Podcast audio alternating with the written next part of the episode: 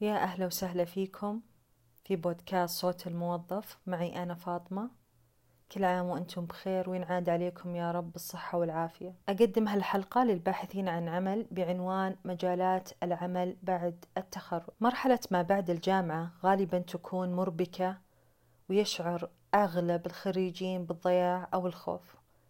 لأنهم ما يعرفون إيش ينتظرهم في مستقبلهم المهني. أول شيء أحب أقول لك أن الحياة المهنية والعمل مختلف تماما عن سنوات الدراسة. لما تكون طالب أنت عندك جدول محاضرات ثابتة ومواعيد اختبارات.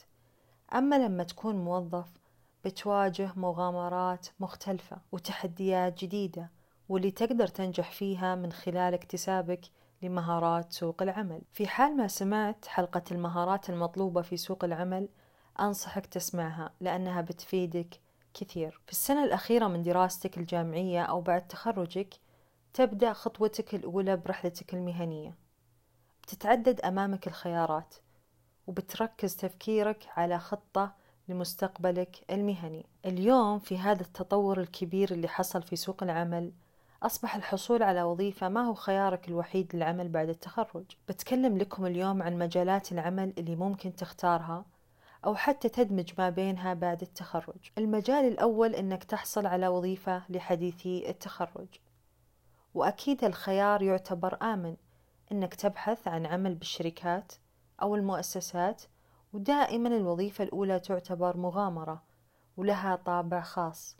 وأكيد ممكن ما تكون الوظيفة الثابتة اللي بتكمل فيها. ممكن تعتبرها فرصتك لاكتساب خبرة في سوق العمل وتطوير مهاراتك.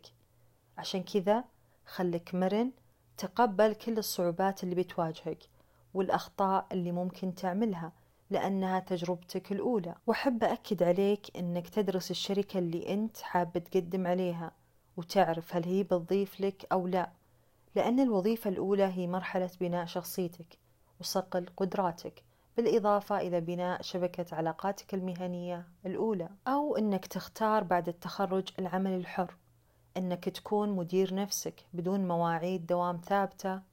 تقدر تعمل في أكثر من شركة في نفس الوقت. لكن يتطلب العمل الحر امتلاكك وإتقانك لمهارات عشان تقدر تنجز مهامك في الوقت المحدد وبجودة عالية مثل مهارة تنظيم الوقت. تحديد المهام عشان تحصل على رضا عملائك والتعاون معهم في أعمال قادمة. ومهارة التسويق أكيد عشان تقدر تسوق لنفسك ولمنتجاتك ولو كان عملك تحتاج فيه إعداد محتوى تحتاج مهارة الكتابة الإبداعية إنك تكون مميز بالأسلوب وقادر على أنك تعبر عن أفكارك بشكل مباشر وواضح. المجال الثالث ممكن تتوجه للعمل عن بعد. العمل عن بعد يركز على الإنتاجية وفيه ميزات كثيرة مثل المرونة أنك تقدر تنجز مهامك بالوقت اللي يناسبك ويعتبر العمل عن بعد بيئة عمل مريحة لأنك تقدر تعمل بالوقت والمكان اللي يناسبك. المجال الرابع العمل التطوعي وتعتبر طريقة ممتازة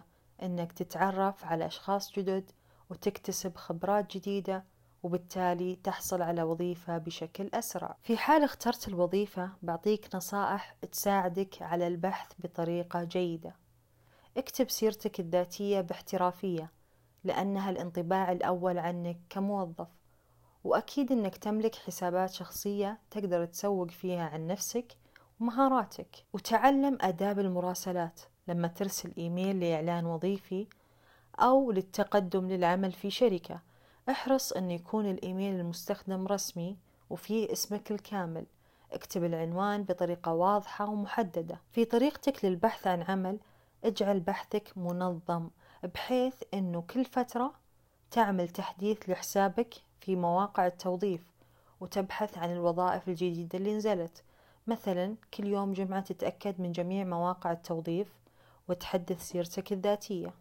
أو تخصص يوم لإرسال إيميلات للتقدم للوظائف. وخليك دائما وفي أي وقت مستعد ومحضر نفسك لمقابلة عمل. وخليك مستعد أنك تعمل في أكثر من وظيفة وأكثر من احتمال. لا تحدد لنفسك وظيفة واحدة يا أحصل عليها أو أبقى عاطل عن العمل خليك مرن لأنك خريج جديد وعادة أغلب الوظائف يطلبون خبرة. عندك خيار أيضا أنك تبحث عن التدريب في الشركات عن طريق تمهير مثلا أو وظيفة بدوام جزئي. هالشي بيساعدك على الحصول على خبرة بشكل أسرع وتعتبر أسهل طريقة في الحصول على عمل الخريجين. اختار مسارك المهني. خلي عندك خطة واضحة للوظيفة اللي تطمح أنك توصل لها وأنشئ عندك قائمة بالشركات وأصحاب العمل اللي ترغب فعلا أنك تعمل معهم. حاول أنك تتابع حساباتهم وأخبارهم وحاول حتى أنك تزورهم للبحث عن عمل. تواصل مع أشخاص موجودين في نفس المجال اللي حاب تعمل فيه وكون شبكة علاقات قوية معهم. البحث عن عمل لازم تكون فيه جدي وصبور ما تمل ولا تيأس. لأنه لو فعلا عملت بالأسباب وكانت عندك خطة استمريت عليها لفترة أشهر مثلا أو حتى أكثر أكيد أنك بتحصل على وظيفة. حاول أنك تظهر مهاراتك على حسابات التواصل الاجتماعي أو مواقع التوظيف بحيث أنك تكون مميز وتلفت الانتباه لمسؤولية توظيف وفي الختام أحب أقول لك أن عملية البحث عن وظيفة عملية مستمرة. حتى الموظفين المحترفين يواصلون تطوير مهاراتهم والبحث عن وظائف أفضل. يعتبر البحث عن عمل نشاط منتظم في حياة أي موظف. ألتقي فيكم بالحلقة القادمة من بودكاست صوت الموظف اللي بكون فيه صوتك.